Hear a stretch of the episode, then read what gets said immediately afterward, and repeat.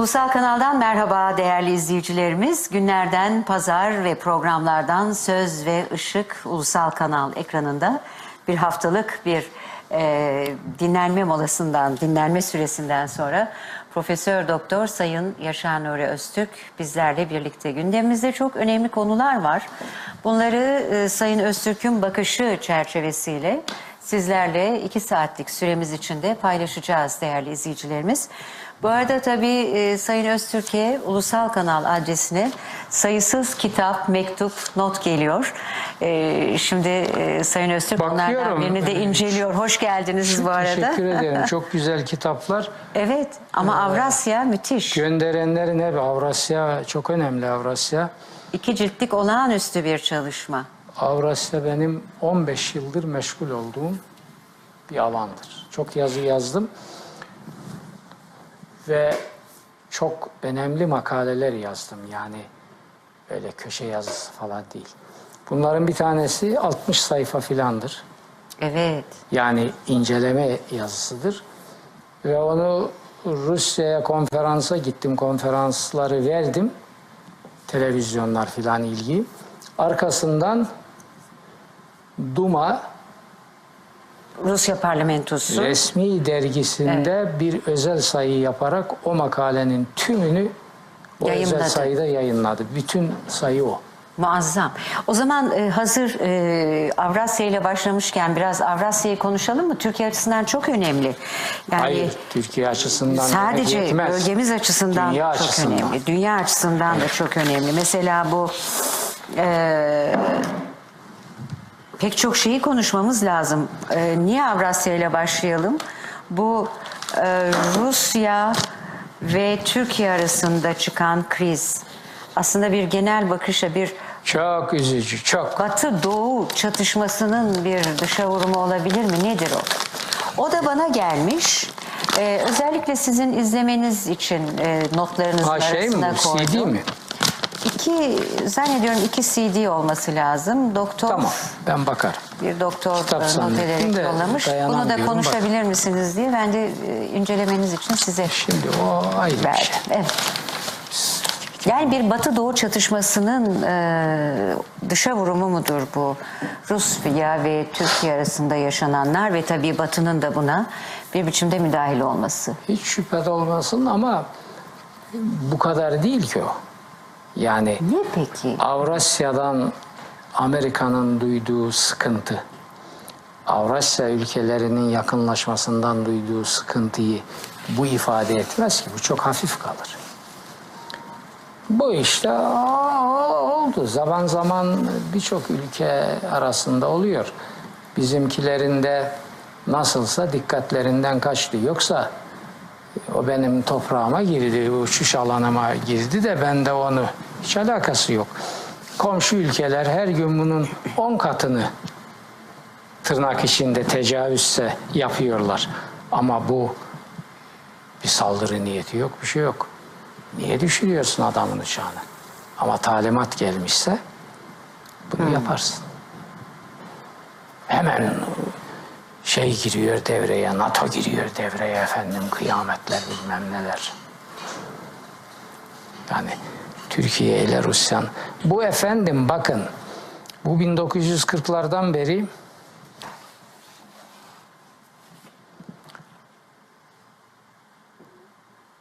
yeşil kuşak melanetiyle başlayan bir oyun, bir strateji, nihayet bir siyasettir.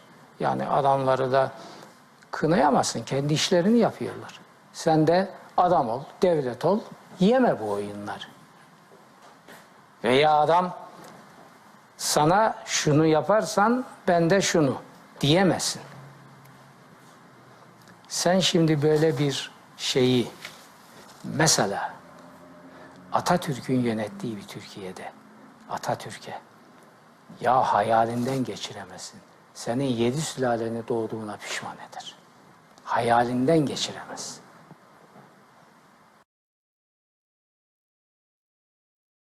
Yani 40, 40'lı yıllardan beri o Marshall planlar. Ben inceledim şeyde de vardır bir kısmı Allah ile aldatmakta. Evet. 40'lı yıllarda 40 ile 50 arasında 100 küsür ufak orta ölçekte veya vüsatte anlaşma yapılmış Amerika ile. Bunların henüz bir kısmını hala biz bilmiyoruz mahiyetini. 40 küsür anlaşma. Kim bilir neler var. Yüz tabii. kü- evet. Tabii. Ve hala yapılan Eğitim teslim anlaşmalar. edilmiş, Evet. o teslim edilmiş, bu teslim edilmiş. Ya sisteme bakın ya. Adamlar bu Marshall yardımları bilmem ne filan. Bu ne biliyor musun? İkinci Dünya Harbi'nde harp alanında kalmış defolu, tamirsiz işe yaramaz efendim eee, silah demeyeyim silah kalıntılarını bizim gibi ülkelere kakalıyorlar. Yani satıyor fakat şöyle satıyor. Ee, diyor ki borçlan rahat rahat ödersin. Bunun adı yardım oluyor. Şimdi bizim millet zanneder ki onları bize öyle vermişler bila bedel filan öyle bir şey yok. Hepsini biz kuruş kuruş ödemişiz. Tabii. Üstelik de ne kadar e, Yani- tabiri var şeyin tapon yani- malzeme varsa. Köleliğin baş, başka bir tarifi var Yok tabii. ve bunun bu sürecin baş mimarı kim biliyor? Şimdi Allah ile aldatmayı ben yazacağım diyorum, vakti geldi diyorum. Ya yazacağım. Ya yazacağım değil. Ne demek yazacağım? Yazılmış, yayınlayacağım. Bunun pioneer'ı, lokomotifi, baş mimarı İsmet İnönü. O dönemde. Yani tabii bu e, bugün çok değerli bir dostumuzla birlikteydik sabah. E, eski yılları konuşuyoruz.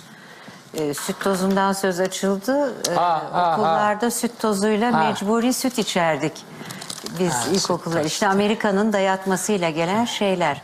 Halbuki Bir meşhur peynirleri vardı onların böyle şey gibi. sarı e, kötü Evet. kokulu bir şeyler okullarda dağıtılırdı falan. Ben Bütün ilkokul falan bunlar- okumadığım için onları yemek gibi bir talihsizliğe uğramadım ama Biz görürdüm, yedik. bilirdim. Evet.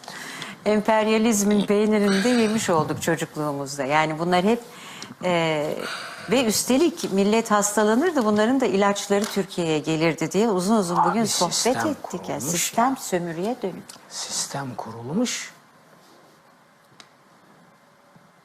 O onu söküyor, o onu.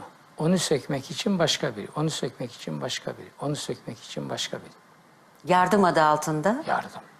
tabii yardım adı Adı altında yardım. yapılan e, ne büyük e, zararlar verildi bu ülkeye ve hala e, bu e, adamların kucağından kendimizi kendimizi kurtaramıyoruz. Bak o yüzden sizin Batı Asya ve Evet. Türkiye'de tan yeri ağrırken Doğu Bey'in yazısı. evet Doğu Bey de biliyorsun çok kararlı ve çok şuurlu bir Avrasya. Avrasya. Evet. Ve tezleri e, son derece güçlüdür. Ama Ben de. topluma e, işte bunların e, Sayın Öztürk topluma çok iyi anlatılması gerekiyor. Bu e, bilgiyi, bu notları, bu açılımları, gerçek açılım bunlar. Topluma anlatama, anlatmak için de ciddi bir seferberlik içinde olmak gerekiyor. Bakın bugün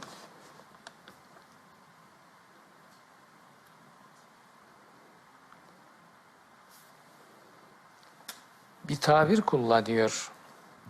Putin Erdoğan çekişmesiyle ilgili Ee, Daniel Pipes biliyorsun. Önemli kitapları var.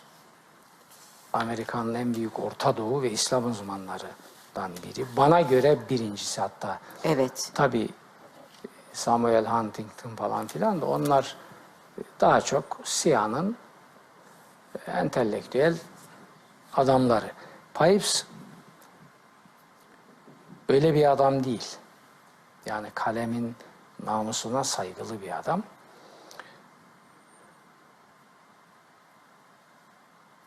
Şimdi istikrarlı kavgacılık diye bir tabir kullanıyor. İstikrarlı kavgacı. İstikrarlı kavgacılık. Çok güzel. Diyor ki Türkiye ile Rusya, Putin'le Sayın Erdoğan arasında bu özellikle diyor oturtuluyor, yerleştiriliyor, yaşatılıyor. İstikrarlı kavgacılık. Bu neye benziyor? Bir nevi cambaza bak, Cambaza bakar. sen bak oraya, alttan cepleri boşaltıyorlar. Pipes'ın bu yazısı çok enteresandır. Bir yerde de bakın şu tespiti yapmış. Bu meseleyle ilgili, bu uçak düşürme iş. Putin, Ankara için hayatı çekilmez hale getirebilir diyor. Önemli bir saptama. Tabii. Şimdi gayet açık. Gayet açık. Yalnız günün esas hatta son yılların büyük söylemi bu değil. Putin'in bu meselede Türk halkıyla Türk hükümetini ayrı Ayır, ayırıyor. Dışişleri Bakanı'nın söyleminde ve Putin'in Putin'in söyleminde devamlı bu var. Dostuz biz halkla diyor. Dışişleri Bakanı da bunu ifade ediyorsa onu da tebrik ederim. Hayır bizimki değil. Lavrov. Rus Dışişleri Bakanı. Keşke ben tebrik etmeyi Keşke. çok çare arıyorum da. Keşke. Bak bir tane yakaladım dedi. O da O da kaçtı. gitti. Şimdi Putin ya ben bir Türk çocuğuyum. Tabii benim ülkemde çekiştim ben rahatsız olurum bundan. Öfkelenirim ama bir ilim ve fikir adamı olarak ve yılların bir Orta Doğu uzmanı olarak değil mi? Evet. Putin muhteşem bir adam. Ve Putin insanlık için bana göre bir şans. Öyle mi? Neden? Bana göre öyle. Bu Avrasya'da dengelerin yerine oturmasında büyük de... Şimdi Putin gibi bir adam olmasaydı Rusya'nın başında, bugüne kadar kaç devlet başkanı değişmişti Rusya biliyor musun? Doğru. Bir açıdan. Şimdi adam bu siyasi tarafı işin bir de fikri tarafı var. İşin fikri tarafı ile ilgili yıllar önce ben Putin'i konu edinen 3-4 yazı yazdım. Ama şimdi Putin öyle bir şey yaptı ki hepsini unutturdu. Ben günlük siyasetle meşgul değilim. Ne tenezzül ederim ne de bir hayrım olacağını düşünürüm. Kahvehane lakırdısı gürler gider. Ben tarihin diyalektiğine bakıyorum. Onu takip ediyorum. O benden ne bekliyor? Ben hep ona cevap veririm. Şimdi Putin Türk hükümetiyle Türk halkını birbirinden ayırırken bir gerekçe, bir kıstas tabir kullanıyor. Batıya, Batı basınına bakın bugün, dünden beri. Altını çizdikleri bir şey var. Orada özellikle Allah kelimesini kullanmış. Tercümesini kullanmamış. Diyor ki Allah Türk halkının Türk halkını akla düşman ederek cezalandırdı. Ya Gülgün sen haftalardır e, kötülük toplumunu okuyorsun. Kötülük toplumu kitabının özeti değil mi? Çok doğru. Kur'an Yunus suresi 100. ayetin. Çok özeti doğru. değil mi bu? Allah pisliği aklını işletmeyenler üzerine atar. Şimdi adam Türk halkı hata yaptı, şöyle etti, böyle etti ve böyle kahvehane, köprü altı lafları filan. Bunda 35. sınıf siyasetçi cazgırlar. Hayır. Tarihin önünde tarihin saygıyla kaydedeceği bir şey söylüyor. Ben de saygıyla kaydediyorum. Şimdi ben bunu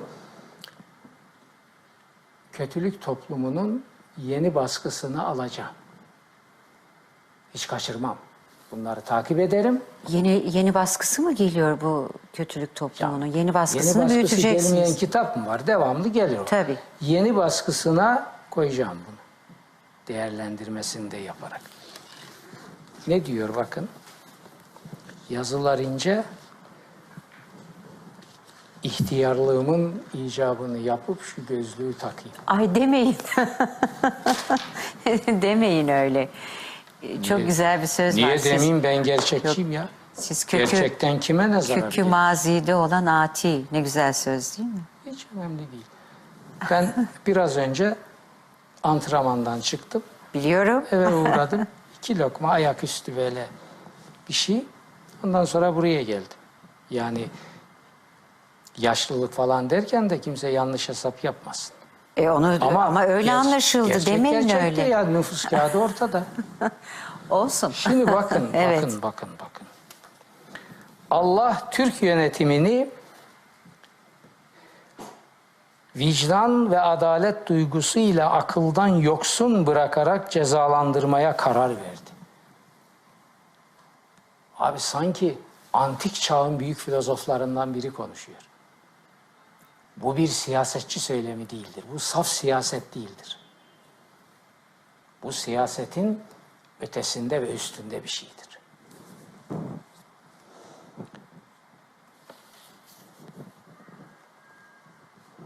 Şimdi Türkiye çalıntı petrollerle kimlerin ceplerini dolduruyor bunları biliyoruz. Tabii bir yandan da ipuçlarını veriyor. Verdi. Evet. Size vuracağım yumrukların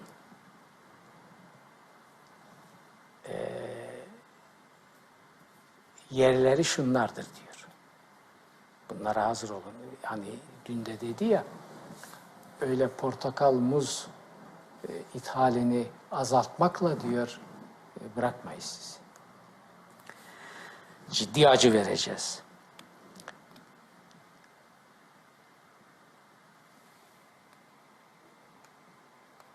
Şimdi bak. Evet. Ee, e, tabii e, siz e, bu arada son derece çarpıcı bir yorum da vardı Türk medyasında. Ee, Cumhurbaşkanı Erdoğan ailemle uğraşmayı bırakın vesaire e, ifadelerinden sonra bir köşe yazarı kaleme almış. Şu anda hatırlayamıyorum o kadar çok okuyoruz ki. Siz ne diyorsunuz diyor. Rusya KGB demektir. Dünyanın en güçlü e, haber alma sistemidir. E, ajanlık sistemidir. Onun için yani KG, eğer bir şey söylüyorlarsa KGB verilerine dayanarak söylüyorlardır. Sizse diyor İETT'siniz Türkiye için.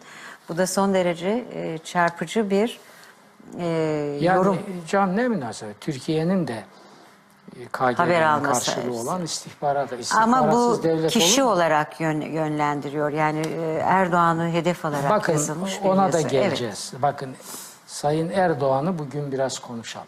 Evet, konuşalım. Nasıl Putin'i konuşuyorsak çünkü tarihin kayda geçirdiği şeyler söylüyor adam. Putin. Recep Tayyip Erdoğan da tarihin kayda geçirdiği işler yapıyor. Bugün ben ben biliyorsunuz yani 40 yıldan beri profesyonel sporla meşgul olan bir insanım. Yani spor hastasıyım. Şimdi cumartesi akşamları bir kanalda boks geceleri diye bir program yapılırdı. Ben hastasıydım. Onu oturur, bitene kadar izlerdim. Bazen saat dörde kadar. Yok. Sonra bir yerleri aradım. Ya nerede dedim bu? İşte şuradan çıkıyordu. Ee, dijitalde. Şuradan çıkıyordu. Uyduda. Uyduda vesaire. Dediler ki abi yok o. Oradan da oradan da çıkardılar onu. Hatta dediler mesela Samanyolu'nda çıkardılar. Siz bu ülkede Samanyolu'na birinin şöyle bir toz atmaya teşebbüs edebileceğini düşünür müydünüz 10 sene önce? Evet. Ama bakın bugün şunu demek istiyorum. Paralel yapı mücadelesi mi? konumuz? Efendim tabii. Ben dayanamadım da hemen ortaya düştüm. Doğru dedin. Alışılmış öyle söyleniyor. Daha kalıcı ve daha etkili bir tabir bulmak lazım. Şöyle diyorum ben. 1071 Malazgirt'ten beri bizim Anadolu'yu yurt tutma tarihimizdir. O tarihten beri Türk halkının ve Türkiye'nin maruz kaldığı en büyük ihanet ve beladır bu. Bu belayı siz seçimle aşamazsınız. Şimdi Recep Tayyip Erdoğan, AKP çok ağır eleştiriler yapanlardan biri de benim. Gene yaparım, gene yapacağım. Ayrı bir iş. Ama şimdi bu belayı siz AKP'den rahatsızsın, sandığa vermesin oy gider. 7 Haziran'da ne oldu? Oy vermediniz. Yüzde on kaybetti. Dört ay sonra yüzde onu geri aldı. Niye geri aldı? Hah. Çünkü muhalefet Türkiye'nin başından Recep Tayyip Erdoğan'ın atmak istediği bela ile fiskos yaptı. Ona yalakalık, yağcılık yaptı. 3-5 oy oradan alırım diye. Halk bunu gördü. Yani bu kadarını bile göremeyeceğini düşündüler halkın. Halk bunu gördü. Bu çifte kumrular var ya bunlar. şey, muhalefetmiş bunlar. Birisi ana, birisi yavru. Ne muhalefeti ya? Muvafakat. Gördü bunu. Dedi ki sizin iki yüzlülüğünüzle yaptığınız işlere karşı ben de böyle yapıyorum kardeşim. Ve bana göre AKP'ye Türk halkının verdiği oyların en isabetlisi bu seçimdeki oylardır. Neden? Çünkü Erdoğan'ın Türkiye'de hangi belayı def etmek için uğraştık, uğraştığını halk gördü. Bu belayı seçimde def edemezsin. Seçimi şöyle koy. Bu belayı ihtilalle def edemezsin. Öyle alışmışlar öyle. Gelir iki şaplak atar, iki raf raf yapar. Hele bir de tank mank yürütürse, ya geçti borun pazarı. Şimdi başka bir yere süreceksin. Binitini. Onunla olmaz. Olmayacağını gördük. Ve onunla niye olsun? Olmasın. E neyle olur? Sandıkla olur. Buyur. Sandıkla bu belayı def edebilir misin? Nereden def edeceksin? Parlamentodan def edersin. Ana devlet dairelerinden def edersin. Şimdi onun hesabını yapıyorlar. Ya tamam da kardeşim ben Orta Doğu'nun gizli dini örgütler sistemini 30 yıldır araştıran bir adam. Kitaplarımın çoğunda bunlar var. Yani karmatilikten işte Hallaç'la karmatilik. Formalar tutuyor. Evet. O Çocuk oyuncağı mı onlar? Tarihin kod sistemini getiren, istihbarat sistemini kuran, işleten, umdelerini koyan ilk örgüttür.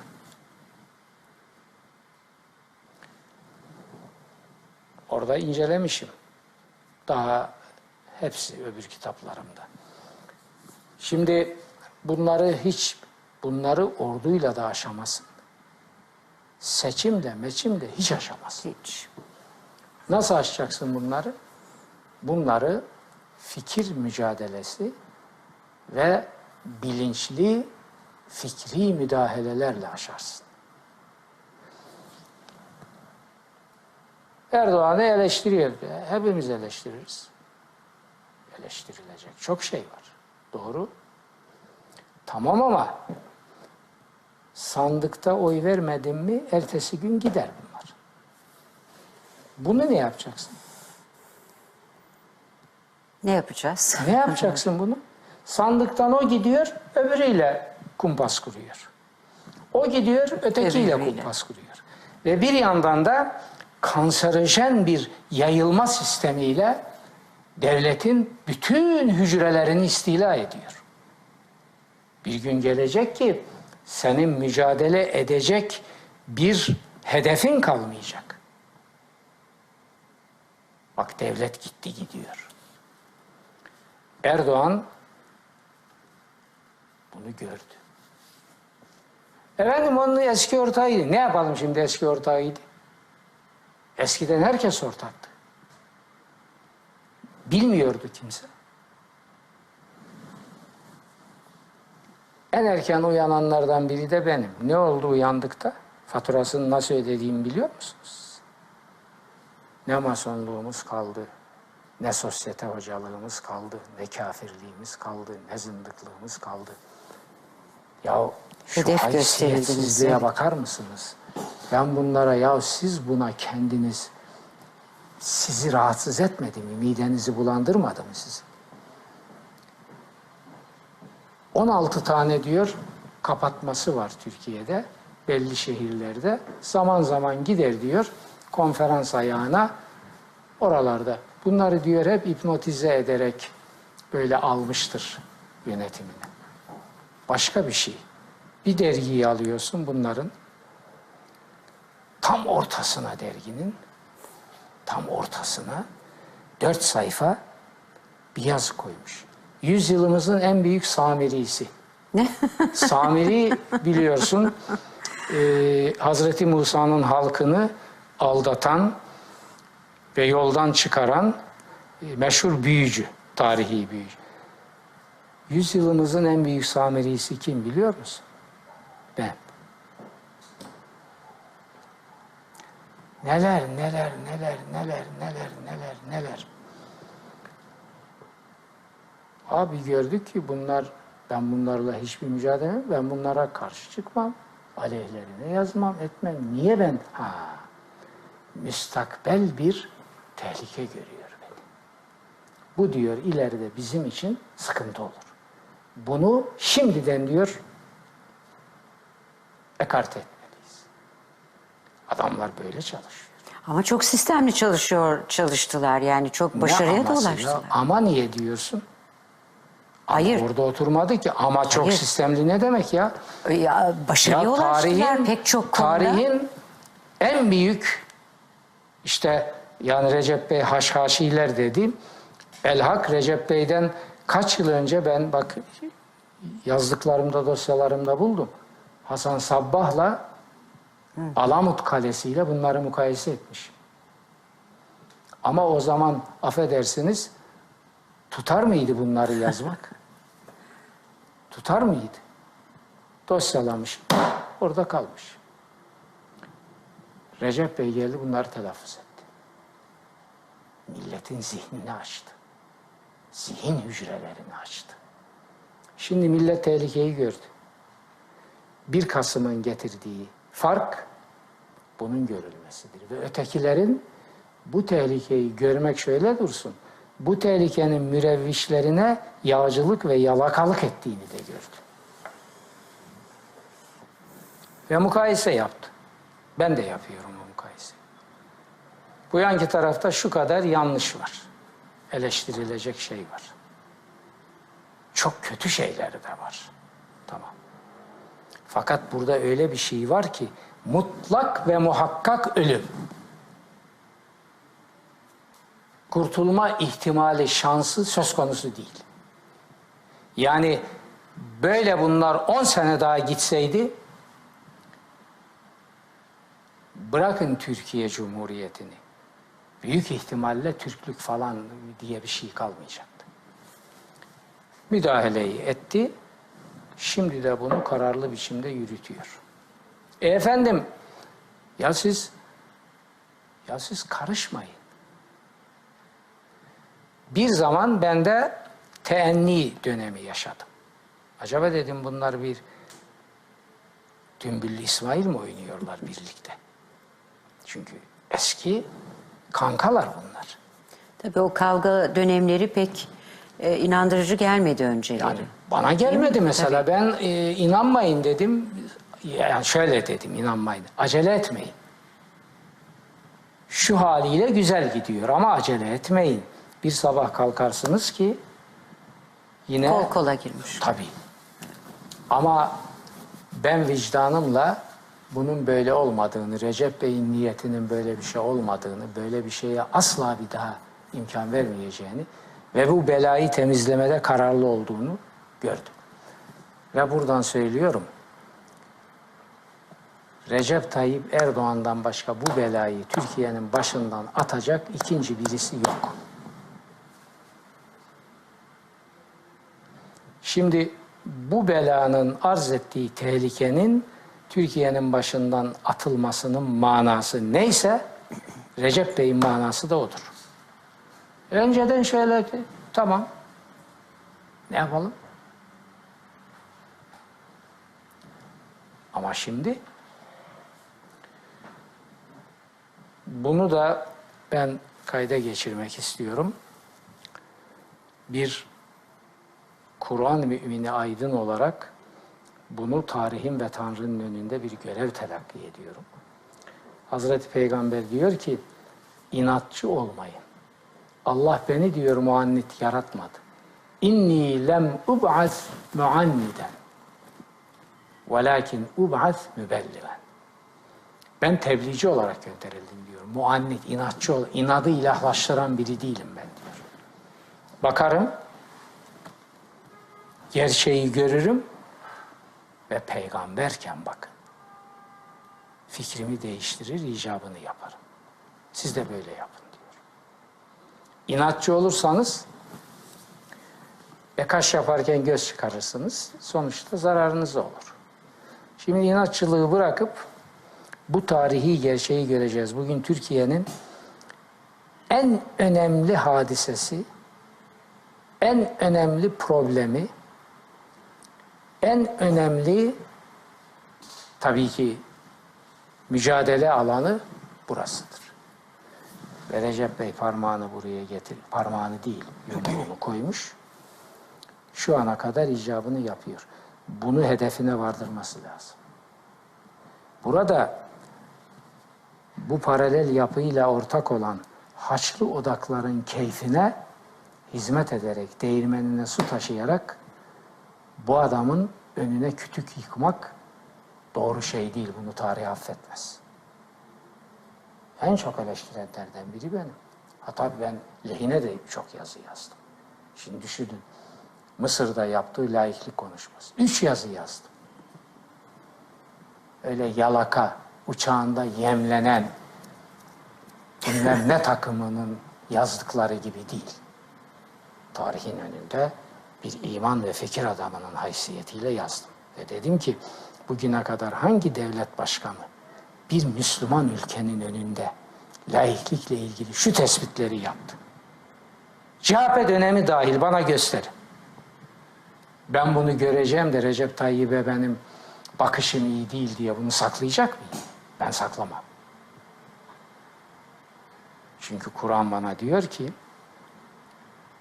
وَلَا يَجْرِمَنَّكُمْ شَنَآنُ قَوْمٍ عَلَى اَلَّا تَعْدِلُوا Bir topluluğa, bir kişiye kininiz, öfkeniz, düşmanlığınızın olması onun haklarını, doğrularını görmezlikten gelmenize vesile olmasın. Ben Kur'an müminiysem bunun icabını yapacağım. Putin'in söylemi tarihin diyalektiğinin bizden kayda geçirmeyi beklediği bir söylemdir. Recep Tayyip Erdoğan'ın yaptığı iş de böyle bir iştir ve bunu takip edip bunun hedefine varmasına destek vermek lazım. Aksi takdirde bunun faturasını torunlarımız öder. Bu adamların insafı, imanı, vicdanı, şefkati falan böyle bir şey yok. Böyle bir şey yok. Silivri zindanlarını dolduruyorsunuz. Siz bunu neyle izah edeceksiniz? Bu bahsettiğim insanlık değerlerinden pul kadar nasibi olan bir zihniyet, bir kitle bunu yapar. Yapar mı tabii? Bunu yapar mı? Kaç kişinin ocağı söndü?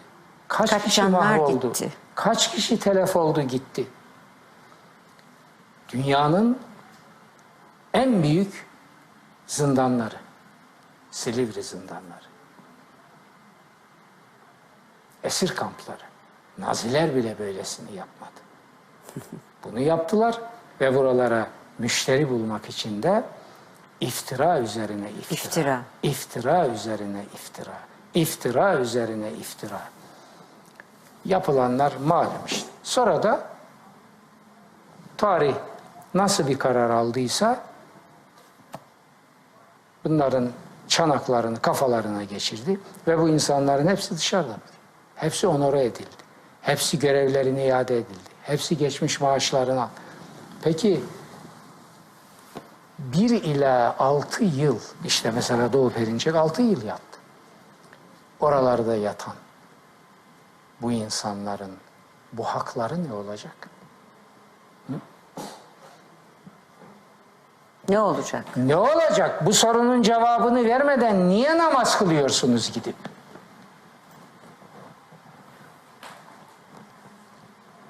Bu sorunun cevabını verin. Evet. Şimdi lütfen takos koymayalım. Recep Tayyip bu sorunun cevabını bunlardan alsın. Alsın kardeşim.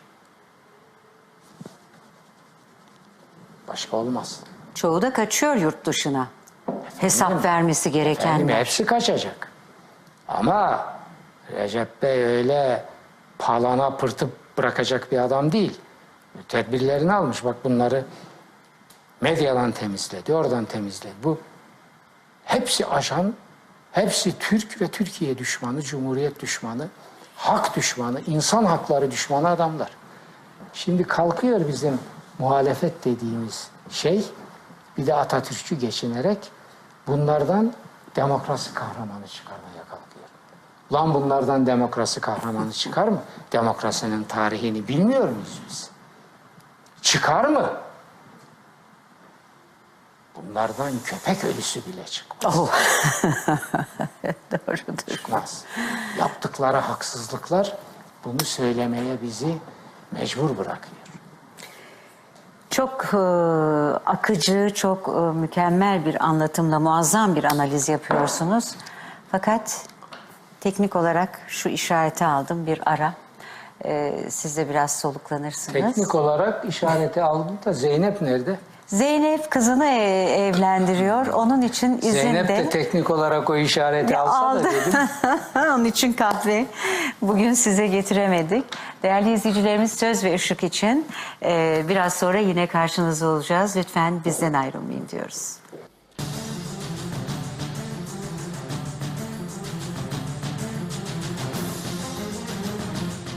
Değerli izleyicilerimiz bıraktığımız yerden devam ediyoruz. Profesör Doktor Sayın Yaşar Nuri Öztürk'le sohbet ediyoruz. Sohbetten ziyade tabii onun o çok değerli analizlerini e, dinliyoruz. E, ve bir vazgeçilmez e, program haline dönüştü ulusal kanalda Söz ve Işık. Şimdi e, dün düne atıfta bulunarak başlamak istiyorum. Biz kadınlar için çok önemliydi Türk kadını için. Türk kadınına seçme ve seçilme hakkının verilmesi büyük önderimiz tarafından bir hediye paketi gibi önüne konulması 5 Aralık ve e, aşama aşama e, hayata geçirilen olağanüstü bir e, hediye e, Batı kadınımıza. ülkelerinden önce. Tabii İsviçre bile 1971'de malum e, veriyor ama şu anda hala İsviçre'ye işte konferanslar için gidip geliyorum. Hala tam anlamıyla e, bazı kantonlarda e, kadın hakları, kadın özgürlüğü yaşama geçmiş değil. Bizim şu halimize bakın ve geldiğimiz noktaya bakın. Yeterince koruyamadık değil mi? Özgürlüğümüzü biz kadınlar. Hiçbirini koruyamadık. Yani 250 yıl sürmüştür aydınlanma dönemi felsefede. Son filozofu kabul edilen e, Nietzsche 1900'de öldü. en önemli filozofu hatta aydınlanmanın peygamberi gibi kabul edilen Kant'ın ölüm tarihi 1804'tür. Şimdi 250 yıl aydınlanma adıyla verilen mücadele. 250 yılda iktisap ettiği bütün değerleri Büyük Atatürk aydınlanma için bir gün bir savaş vermemiş bir ülkeye getirdi burnu kanamadan, Hiç. ayağına diken batmadan Al dedi. Değil mi? tepsinin içinde hediye etti.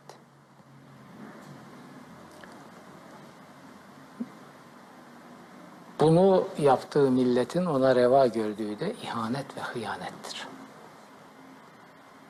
Tarih bunun cezasını mutlaka ödetecek. Şimdi tekrar ediyorum bakın. Aylardır hep söyle ve yıllardır da aylardır her hafta burada adeta nasıl bir güvenle söylüyorsam bunu. Ceza faturası artarak devam edecek. Onu hep söylüyorsunuz ve evet artıyor. O ödenecek ki-. Evet. Eskilerin ifadesiyle ki bir e, doğa yasasıdır. Bir şey haddi işbaha gelmeden aksine münkalip olmaz derler. Osmanlıcası budur. Yani bir şey doyum noktasına ulaşmadan aksine dönmez. Şimdi bu doyum noktasına ulaşacak. Doyum noktasına ulaşmadı. Ulaşacak ki ondan sonra biz yeniden başlayalım. Ha, tarih bize diyor ki bedava buldunuz. Bakın bakalım aydınlanma için 250 yıl çile çeken adamlar neler çekmişler. Bir tahmin edin bakalım. Atatürk. Atatürk'ün ne olduğunu bu millet anladığı zaman zaten kurtulur. İslam ümmeti anladığı zaman da kurtulur. Ama henüz oralarda değil. Nasıl anlatacağız? Nasıl anlayacak? Bilmem ama herhalde Eğitim- herhalde ya geçin eğitim eğitim bu, bu ezberlenmiş. Hayır hayır onu Bu- demiyorum. Bunları geçin lütfen. Atatürk eğitim Zihniyet devrimi gelmeden eğitim hiçbir işe yaramaz. Siz en mükemmel okulları açın, en mükemmel diplomaları verin, en mükemmel akli ilkeleri öğretin. Bir kitle aklın kullanımını başka birilerine teslim etmişse onun edindiği bilgi hiçbir işe yaramaz. Yaramaz. Yani mesela ben yakından bilenlerden biriyim. Suudi Arabistan'da eğitimde sıkıntı mı var? Gidin bakın bakalım o imkanlara siz 100 sene daha ulaşamazsınız.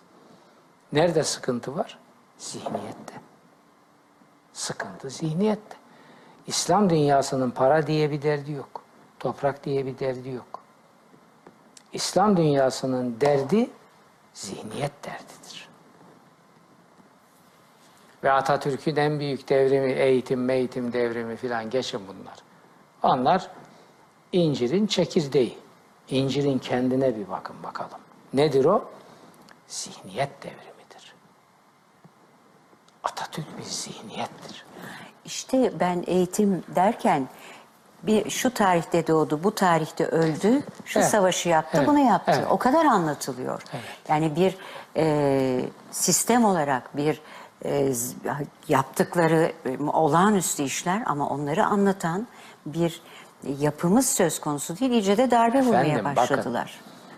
Atatürk'ün tarihin önünde ne yaptığını anlamak için İslam'la alakasının tetkik edilip ortaya konması lazım. Bak net söylüyorum.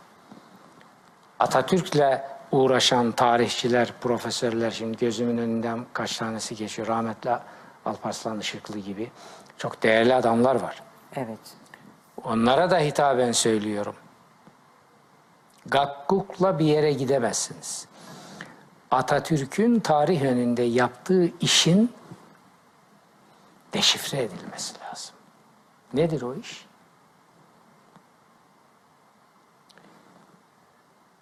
Atatürk'ün dinle münasebetinin bir numaralı mesele olarak Türkiye'nin gündemine getirilme.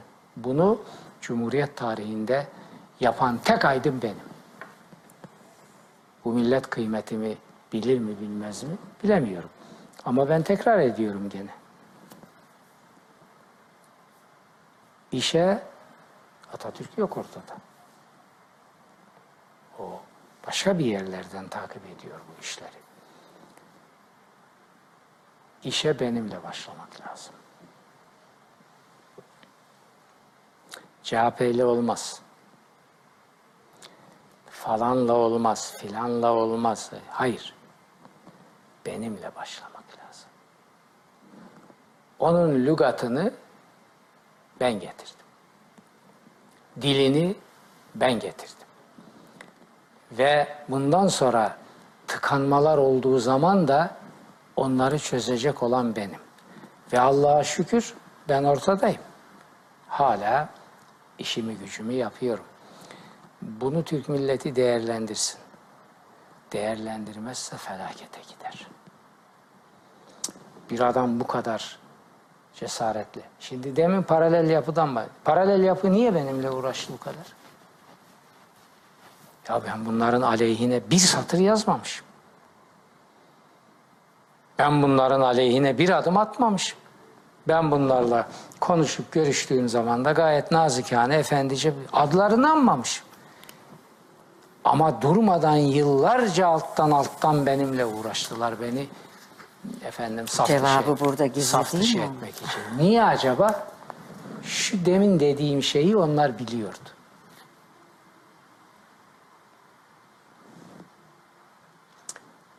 Cumhuriyetçi geçinen angutlar bunu bilmiyor. Hala da bilmiyorlar.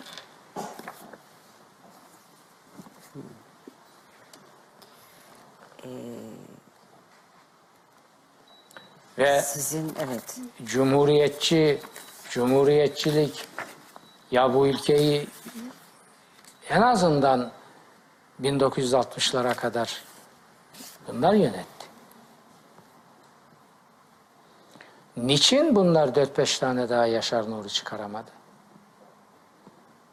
Ben bir imalat hatasıyım ya. Çok güzel benzetme ama çok Ben resmen bir imalat hatasıyım ya. muazzam bir hata olmuş sizinki. Başımızın üstünde bu hatanın Ben bir var. imalat hatasıyım. İyi çıktı. Tamam.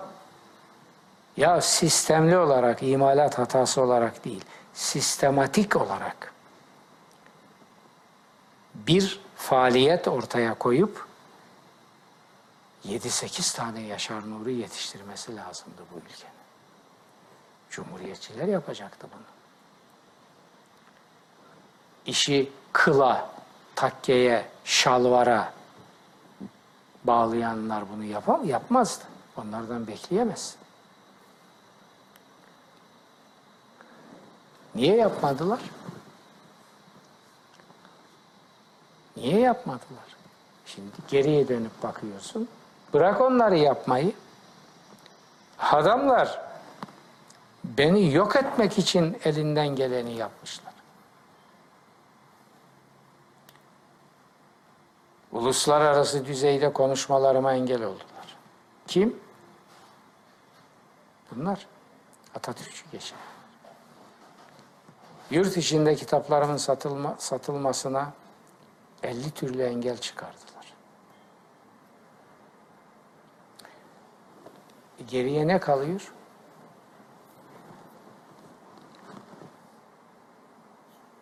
Atatürkçü Düşünce Derneği'nin bana 20 tane konferans verdirmesiyle bu açık kapatılmaz. Bereket ki Atatürkçü Düşünce Derneği işin farkına vardı. Onlar da yıllarca benim adımı anmadılar. Ve ben bunları mesele yapıp da Ya çekin gidin be kardeşim. Hangi yüzle benim gelip karşıma dikili? Demedim. Niye demedim? Ülkemin hatırı için, Mustafa Kemal'in hatırı için. Onu da bilsinler. Ben aptal falan değilim. Bana para mara da vermiyorlar. Zaten öyle bir beklentim yok. istemem. Ha ama işte dedim bunun için yapıyorum bunu. Yeni yeni daha, yeni yeni. İşte ADD. Şimdi bakın, Ocak ayı içinde İsviçre'ye gideceğim. ADD ve daha onlarla işbirliği yapmış Türk derneklerinin davetiyle. Bu devam edip gidecek. Ediyor işte bak bir ayda Almanya'da üç konferans verdim ADD adına. Ama çok geç kalındı. Çok geç kalındı. Ve bugün de gerekli yoğunlukta benim birikimimden yararlanılmıyor. Benim birikim, bendeki birikimi bırakın. O, o birikimi e, benim olduğu gibi boşaltıp insanlığın önüne koymam için bir 50 yıl daha lazım. O olmaz. Ama önemli olanlarını vermeye devam ediyorum. Ama benim ortada bir mirasım var yani gerçekleşmiş, yazıya geçmiş, kayda geçmiş bir miras var. Onu değerlendirsinler, o yeter onlar. Evet. Tabii şunu merak ediyorum bir taraftan. Siz e, Almanya'ya gidiyorsunuz, işte İsviçre'ye gideceksiniz. Davetin olduğunu çok yakından biliyorum. Devamlı davetler alıyorsunuz. E, özellikle e, bu Atatürkçü Düşünce Derneği'nin yurt dışındaki konferanslarında mutlaka size pek çok soru yöneltiliyor. Sizi e, düşündüren sorular oluyor mu? Yani neresinde e, insanımız Atatürkçü düşünce? Atatürkçü Düşünce Derneği memnuniyetle söyleyeyim iyi bir yere geldi. Gerçi o derneği istismar eden bir takım kıytırıklar var. Kıyıda köşede görüyorum onları ben. Tam kıytırık, kıl kuyruk. O kıl kuyrukları içlerinden temizlesinler. Ve mücadele veriyorlar evet. Sıkıntı verir onlara. Onların klasına, ideallerine yakışmaz. Onlardan hayır gelmez. Ama onlar yok edecek kadar az. Yani kısaca Atatürkçü Düşünce Dernekleri bugün çok iyi bir yerde ve çalışıyorlar. Ben de hiç esirgemiyorum onlardan. Evet. Davete pat gidip konuş. Koşa koşa gidiyorsunuz. Ee, özellikle e, istemiştim. Sizin e, etkilendiğiniz e, sorular ne oluyor? Yani çok güçlü sorular geliyor mutlaka değil mi? Atatürk'le ilgili, sizin bakışınızla ilgili, düşünce defa ilgili yangın var. yangın var değil mi? Halimiz ne olacak? Yangın, yangın var. Feryat var. Ondan sonra paniklemeyin, sabırlı olun. Aşılmaz hiçbir bela yoktur. Siz yeter ki üstünüze düşeni yapın ve üstünüze düştüğü halde yapmadıklarınızın pişmanlığını vicdanınızda duyun. Bakın üstünüze düşeni yapının birinci manası budur. Üstünüze düşeni yapın. Ha ben bunca halt işledim. Şimdi anladım ki yanlış. Şimdi ben efendim şapşup yapayım. Hayır. Üstünüze düşenin yerine getirmenin bir numaralı manası bugüne kadar yapmanız gerektiği halde yapmadıklarınızın pişmanlığını duyup hesabını vermektir. Olmadan olmaz. Şimdi Atatürkçü Düşünce Derneği böyle bir yola girmiş. Bu sevindirici. Şimdi benim sayemde de olsa, ben daha önce de birkaç gittim Atatürkçü Düşünce Derneği'ne yıllar önce. Baktım ve dedim ki bu fasafiso buradan bir hayır mayır gelmez. Bu Atatürk'ün adını da bunlar batırıp ben de buna alet olmayayım. Sonra birkaç sene sonra Böyle biraz da uzaktan baktım ki büyük değişiklik var. Şimdi 40 nasihat bir musibet kadar etkili olmaz. Türkiye bir musibetle kendine getirildi. Son yıllarda. Son yıllarda. Bir musibet tırnak içinde. Evet. Atatürk'e tasallut musibeti. Ve süratle toparlandılar. Şimdi bunun farkındalar. Bunun farkındalarsa onlara destek vermekte bizim insanlık borcumuzdur. Şimdi biz bunlar eski hatalarını bunların önüne koyup da hadi çekin ne haliniz var mesela ben kendime yakıştırmam. Ama gayret etsinler. Söylüyorum onlara. Gayret edin. Peçevi'nin bir sözünü geçen söyledim Münih'te. Burada da söyleyeyim. Peçevi Osmanlı tarihçisi ilklerden biridir. Büyük Osmanlı İmparatorluğu'nun kuruluşunu anlatırken bunlar bir küçük su boyu beyliğinden bir cihan imparatorluğuna nasıl geçtiler? Bu soruların cevabını irdelerken bir şey söylüyor orada.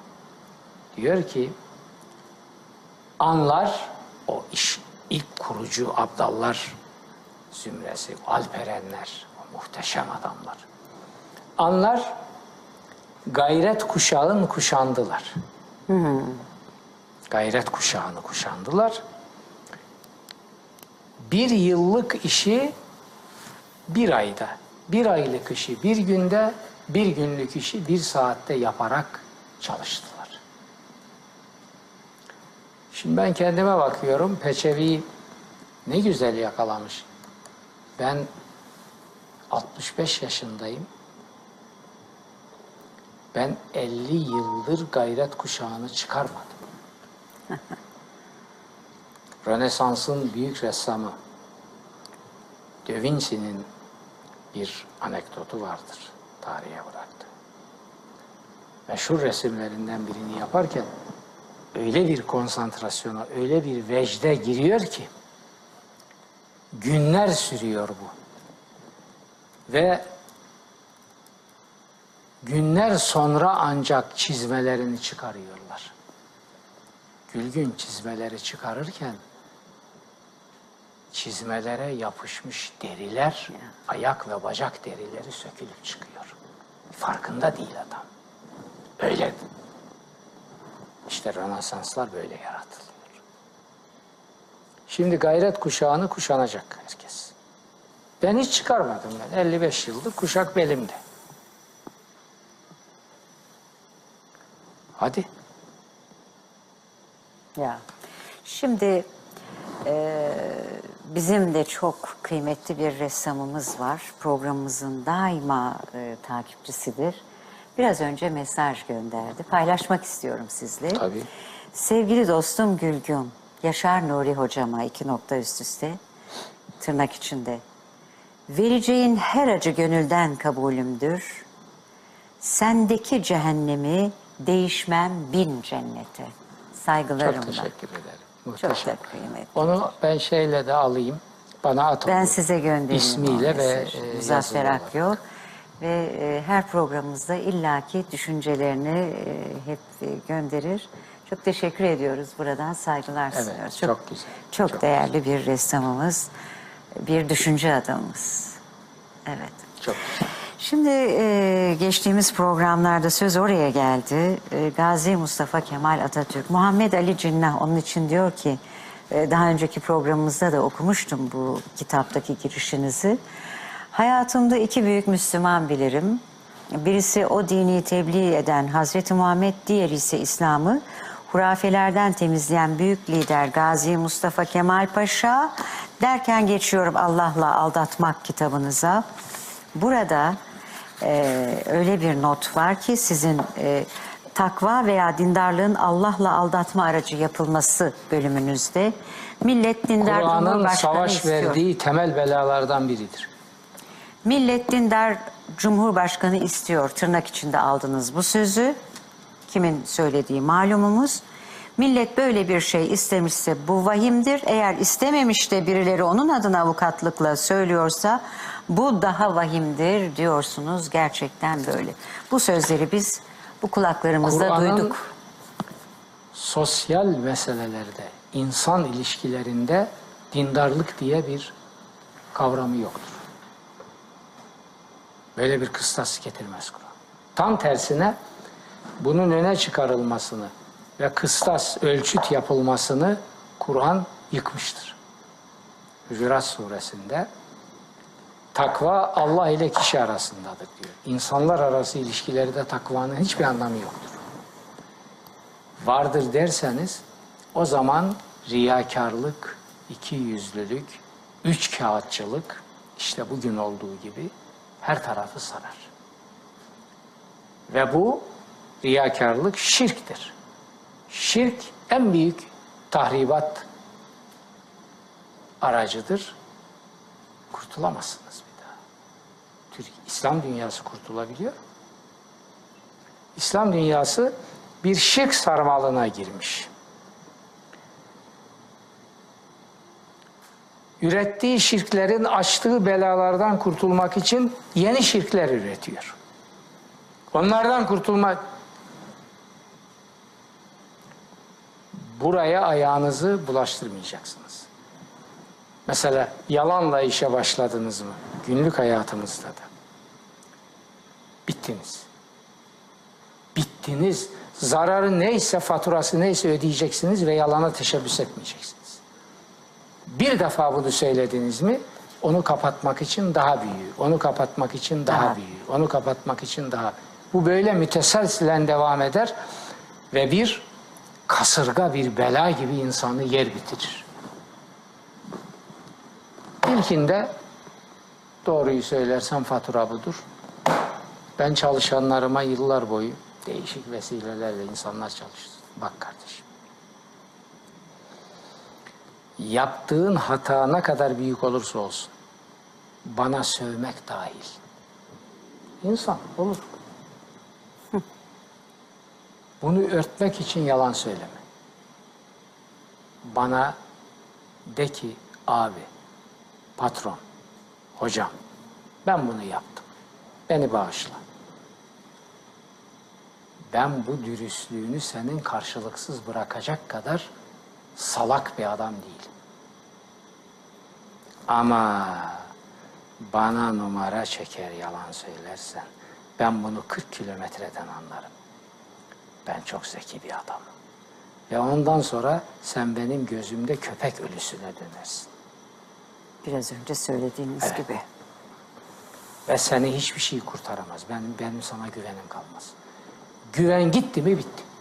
Şimdi ben ne diyorum?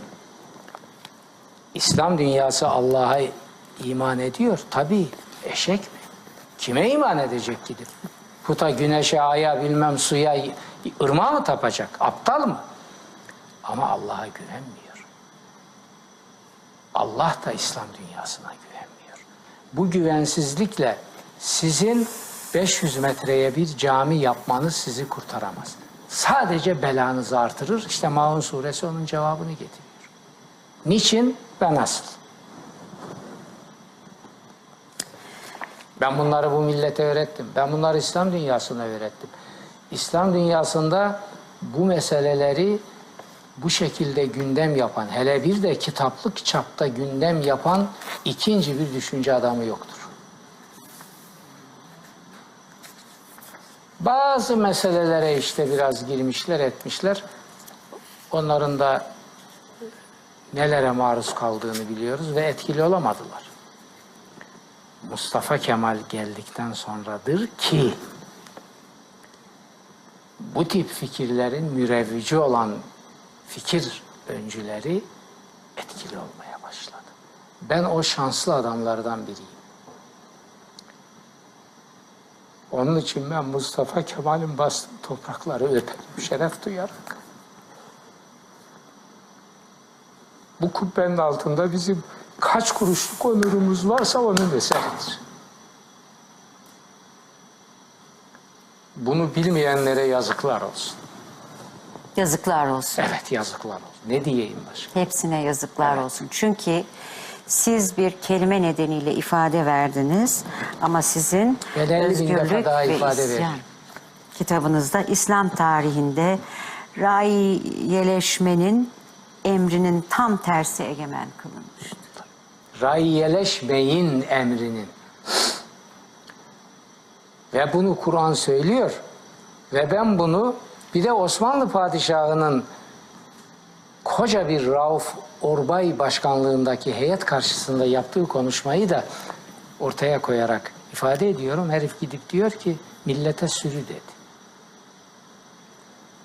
Sayın Cumhurbaşkanı'na çoban dedi diyor. Mevlana Celaleddin kendisini ziyarete gelen Osmanlı şey Selçuklu imparatoruna imparator ya imparator Müslüman dünyanın en büyük devletinin imparatoru. Diyor ki sultan Allah seni bu milletin başına çoban gönderdi. Ya bu peygamberin devleti yönetenlere, milleti yönetenlere verdiği isimdir. Kur'an'ın verdiği isimdir. Ulan sen bunun farkında değilsin. Sen bu savcıları ahmak mı zannediyorsun? Yani sen şimdi millete sürü dedi dersen derhal emredersin efendim şimdi derhal biz icabını yapacağız öyle mi zannediyorsun? Yaparlarsa senin dediğini o da benim için bir derstir. Ama ben tarihin bana yüklediği misyonu senin gibi beş para etmeyen kanı bozuk şerefsizlerin keyfi için ayağının altına alma. Açık ve net. O zaman hiçbir zalim kendisine sessiz kalan bir kitlenin dolaylı desteği olmadan yaşayamaz. Kur'an'ın açık fermanıdır bu. Peki nasıl oluyor da böyle bir tek ses e, bu ülkede hakim olabiliyor? Yani birine derse ciddi bir kitle aynı şeyi tekrar eder E, duruma düştü bu ülkede. Sürü psikolojisi. Biri nereden atlıyorsa hepsi oradan atlıyor.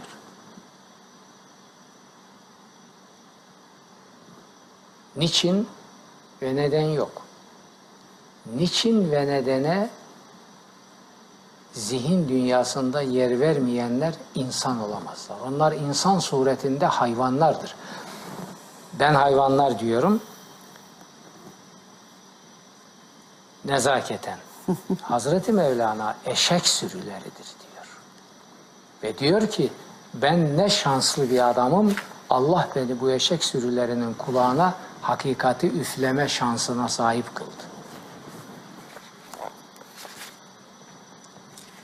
E maalesef böyle.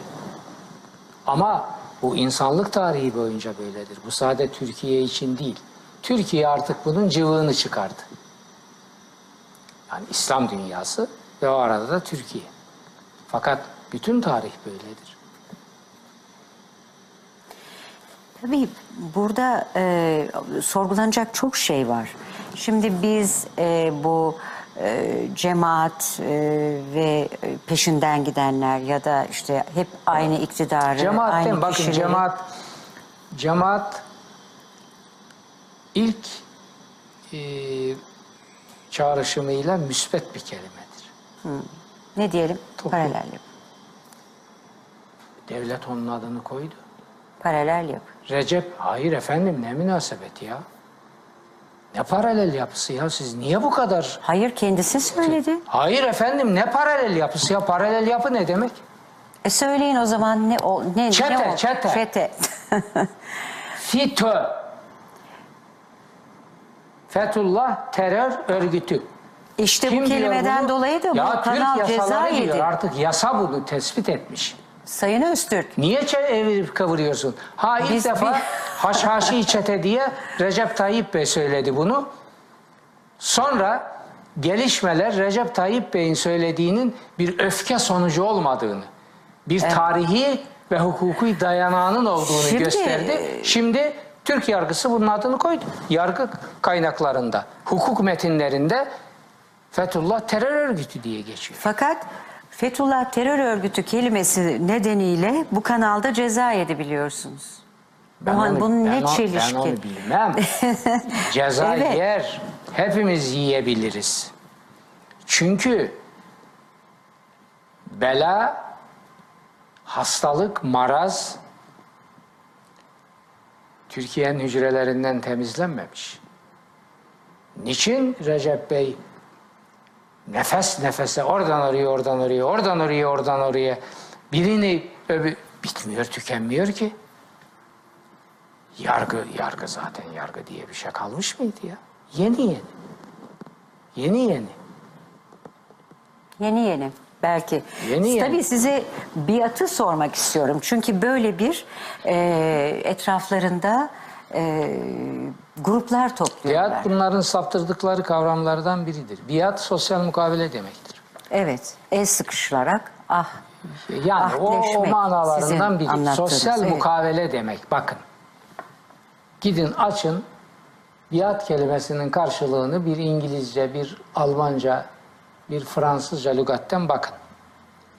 Gidip İmam Hatip okullarının ikinci sınıfında, üçüncü sınıfında okutulan lügatlerle bu işlerin altından çıkamazsınız. O bizi şikayet mikayet edenlerin seviyeleri budur işte yedi sülaleleri yedi defa daha dünyaya gelse benim söylediklerimi anlayacak seviyeye gelemezler. Benim onlardan beklediğim bir şey yok. Biat sosyal mukavele demektir. Devlet yönetiminin ve millet yönetiminin altına iki kelime, iki kavram koyuyor Kur'an.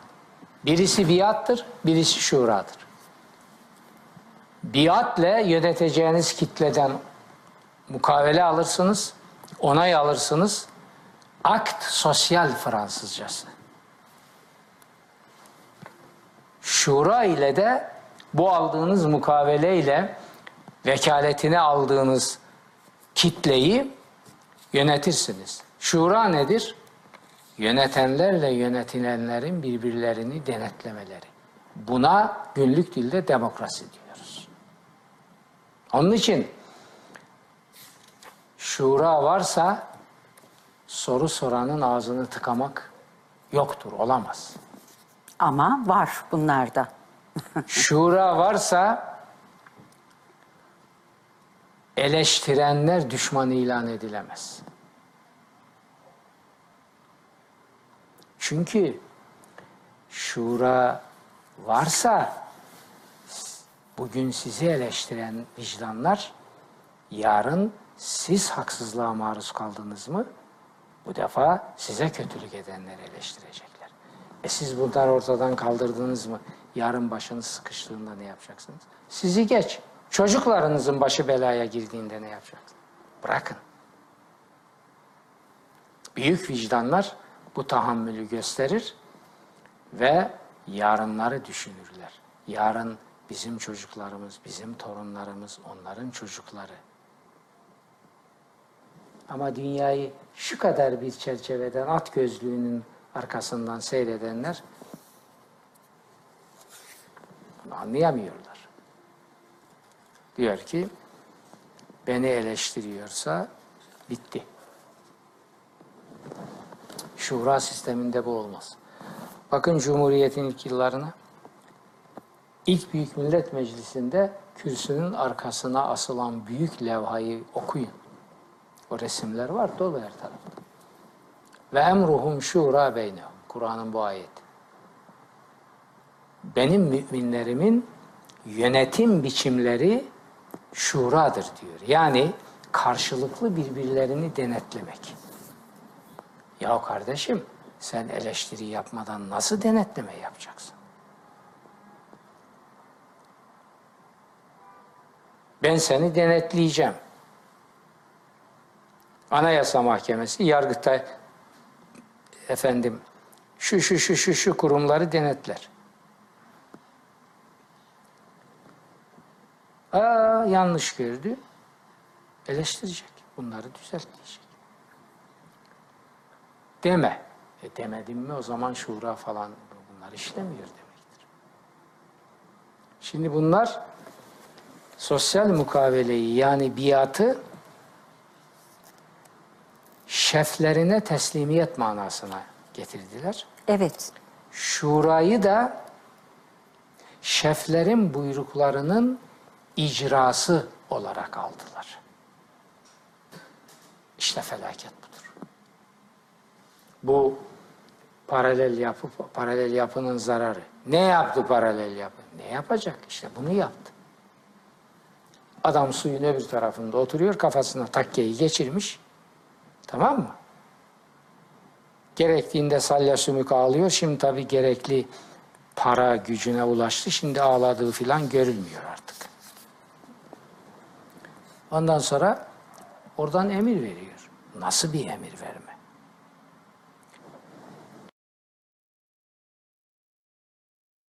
Peki dosyaları oraya celbediyor adamları vasıtasıyla okuyor onları.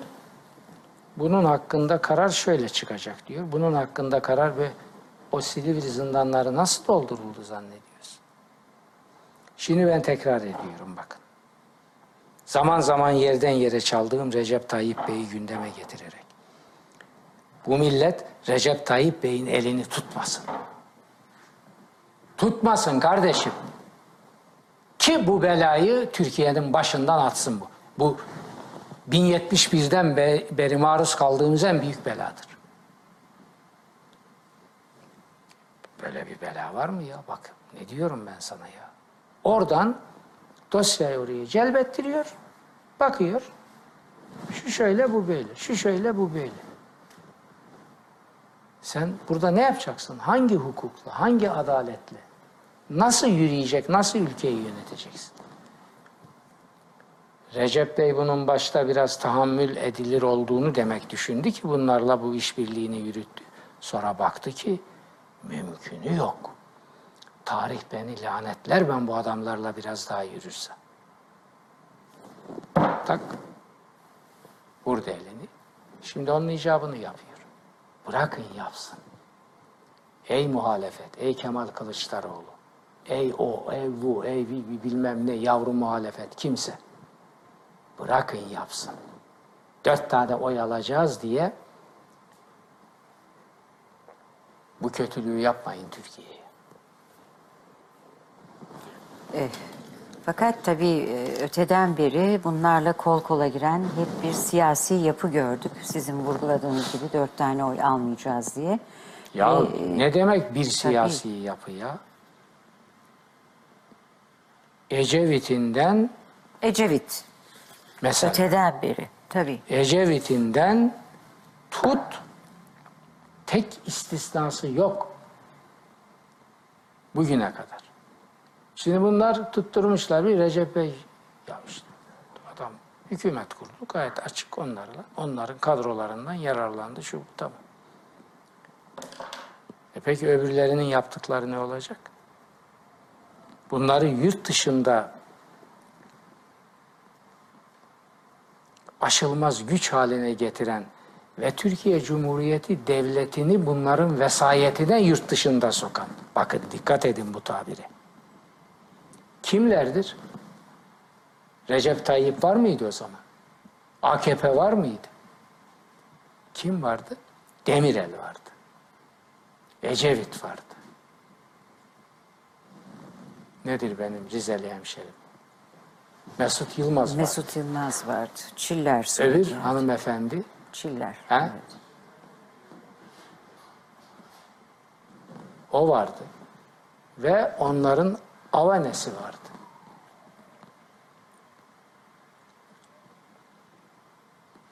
Bana yurt dışında konuşma yasağı getiren adamlar vardı. Burada defalarca söyledim, tekrar lüzum yok. Benim yurt içinde kitaplarımın satılmasına ambargo koyanlar vardı. O zaman ne AKP vardı, ne Recep Tayyip vardı, ne arkadaşları var. Hiçbirinin adı sanı yoktu.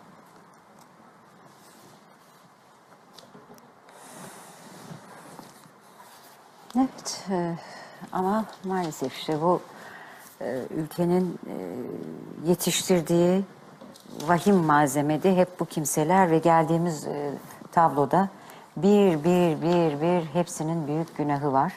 İşte onun faturasını da siz hep söylüyorsunuz, Şimdi biz bakın ödüyoruz. Gülgün Hanım.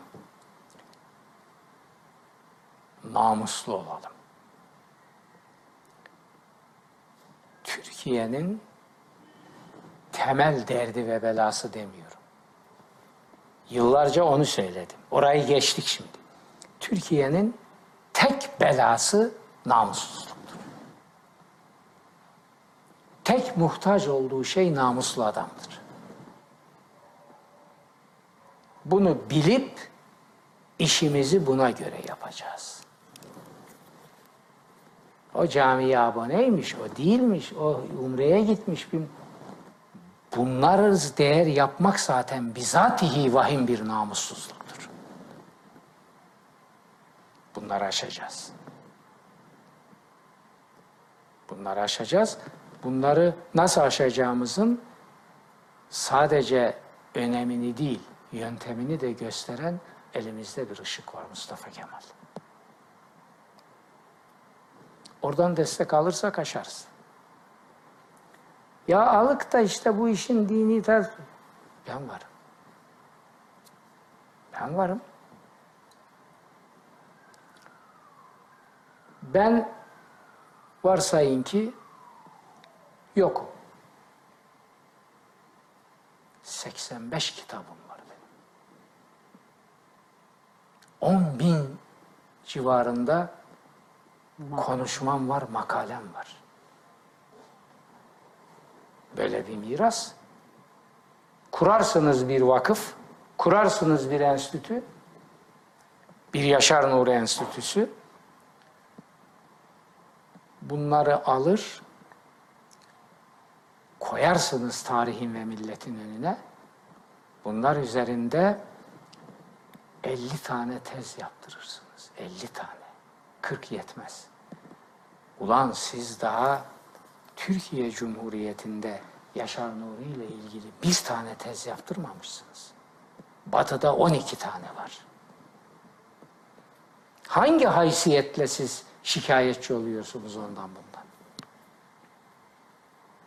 Daha ne diyeyim? Ne diyeyim yani daha? Daha nasıl söylenir bir şey?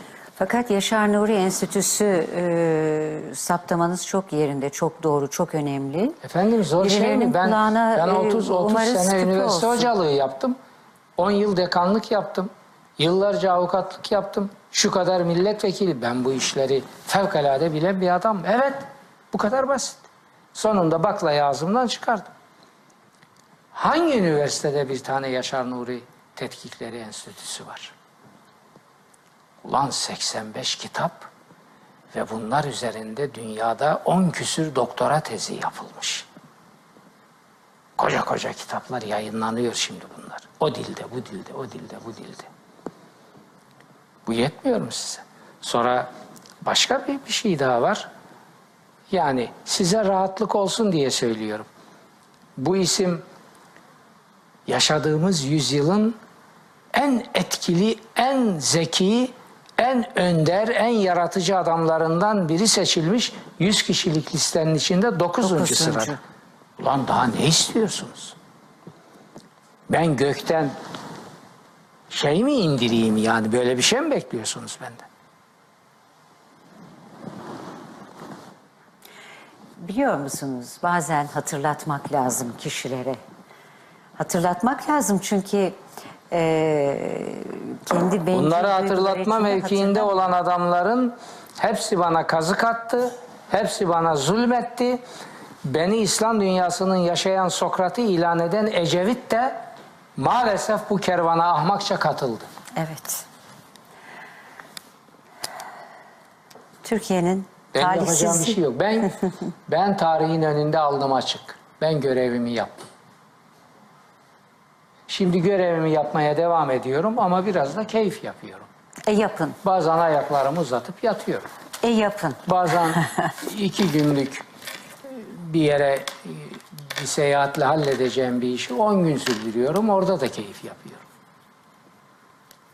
Ee, Yani yeter. Yeter. Efendim çok teşekkürler. Ee, süremizin bittiği uyarısını aldım. Ben bugün nasıl geçti zaman Ah Zeynep, kahvesiz bir gün ah, bize sizi kahvesiz bıraktım ama bıraktık ama haftaya Zeynep başlamış olur. Tamam. Ee, kızının mutluluğu, telaşı içinde. E, değer, benim kahve Değer, feda olsun. Değer. Aa, bunu da Zeynep, Zeynepciğimize söyleyeceğiz. Şu demin gelen mesajı bana geç. Hemen gönderiyorum. Hemen gönderiyorum. Ee, çok teşekkür ediyoruz. İyi ki varsınız. Saygılar sunuyorum. Haftaya buradayız değerli Şimdi- izleyicilerimiz. Buyurun. Ee, e- eşim Nazlı Hanım e, onun bir sözü var bir şey bana böyle atmıştı. O da onu hatırlattı bana. Çünkü Ankara İstanbul arası gide gele gide gele gide gele gide Biliyorum, gele helal biliyorum. oldu. Yani harcanan para bir yana. Şimdi bazen e, Gülgün yani Allah burada akşam gidiyordu. Daha geçenlerde. Ben o gece bir ne yedim, kalamar mı bir şey yedim, midem bozuldu. Mecbur hastaneye gittim ve orada kaldım. E, haliyle yarım saatte, 40 dakikada, bir saatte bir konuşuyoruz. Ne var ne yok şu hastanedeyim dedi. Ne? Ne oldu? İşte böyle böyle. Ya bir şey yok. Şu. Sabah kaçtı? Ben daha gözlerimi açmadan Yanınızda. ya akşam gitmiş daha yeni. Ne güzel. Ha şimdi bir gün bir mesaj çekti bana geçenlerde. Dedi ki bu Ankara İstanbul hattında çektiğim büyük çileler madem ki senin için çekilmiştir helal hoş olsun. Muhteşem bir şey değil mi? Şimdi bu arkadaşın şeyi de bana geçenlerde Mesajı. ADD'den de ona benzer bir mesaj gelmişti. Evet. Diyeceğim şu, bazen çektiğiniz çileler sizin mutluluğunuzun ta kendisi oluyor. Öyledir ama değil mi? Ne güzel. Nazlı Hanım'ı da buradan çok öpüyoruz. Vereceğin her acı gönülden kabulümdür. Sendeki cehennem, cehennemi değişmem bin cennete saygılarımla diyor Muzaffer Akyol. Sevgiler sunuyoruz.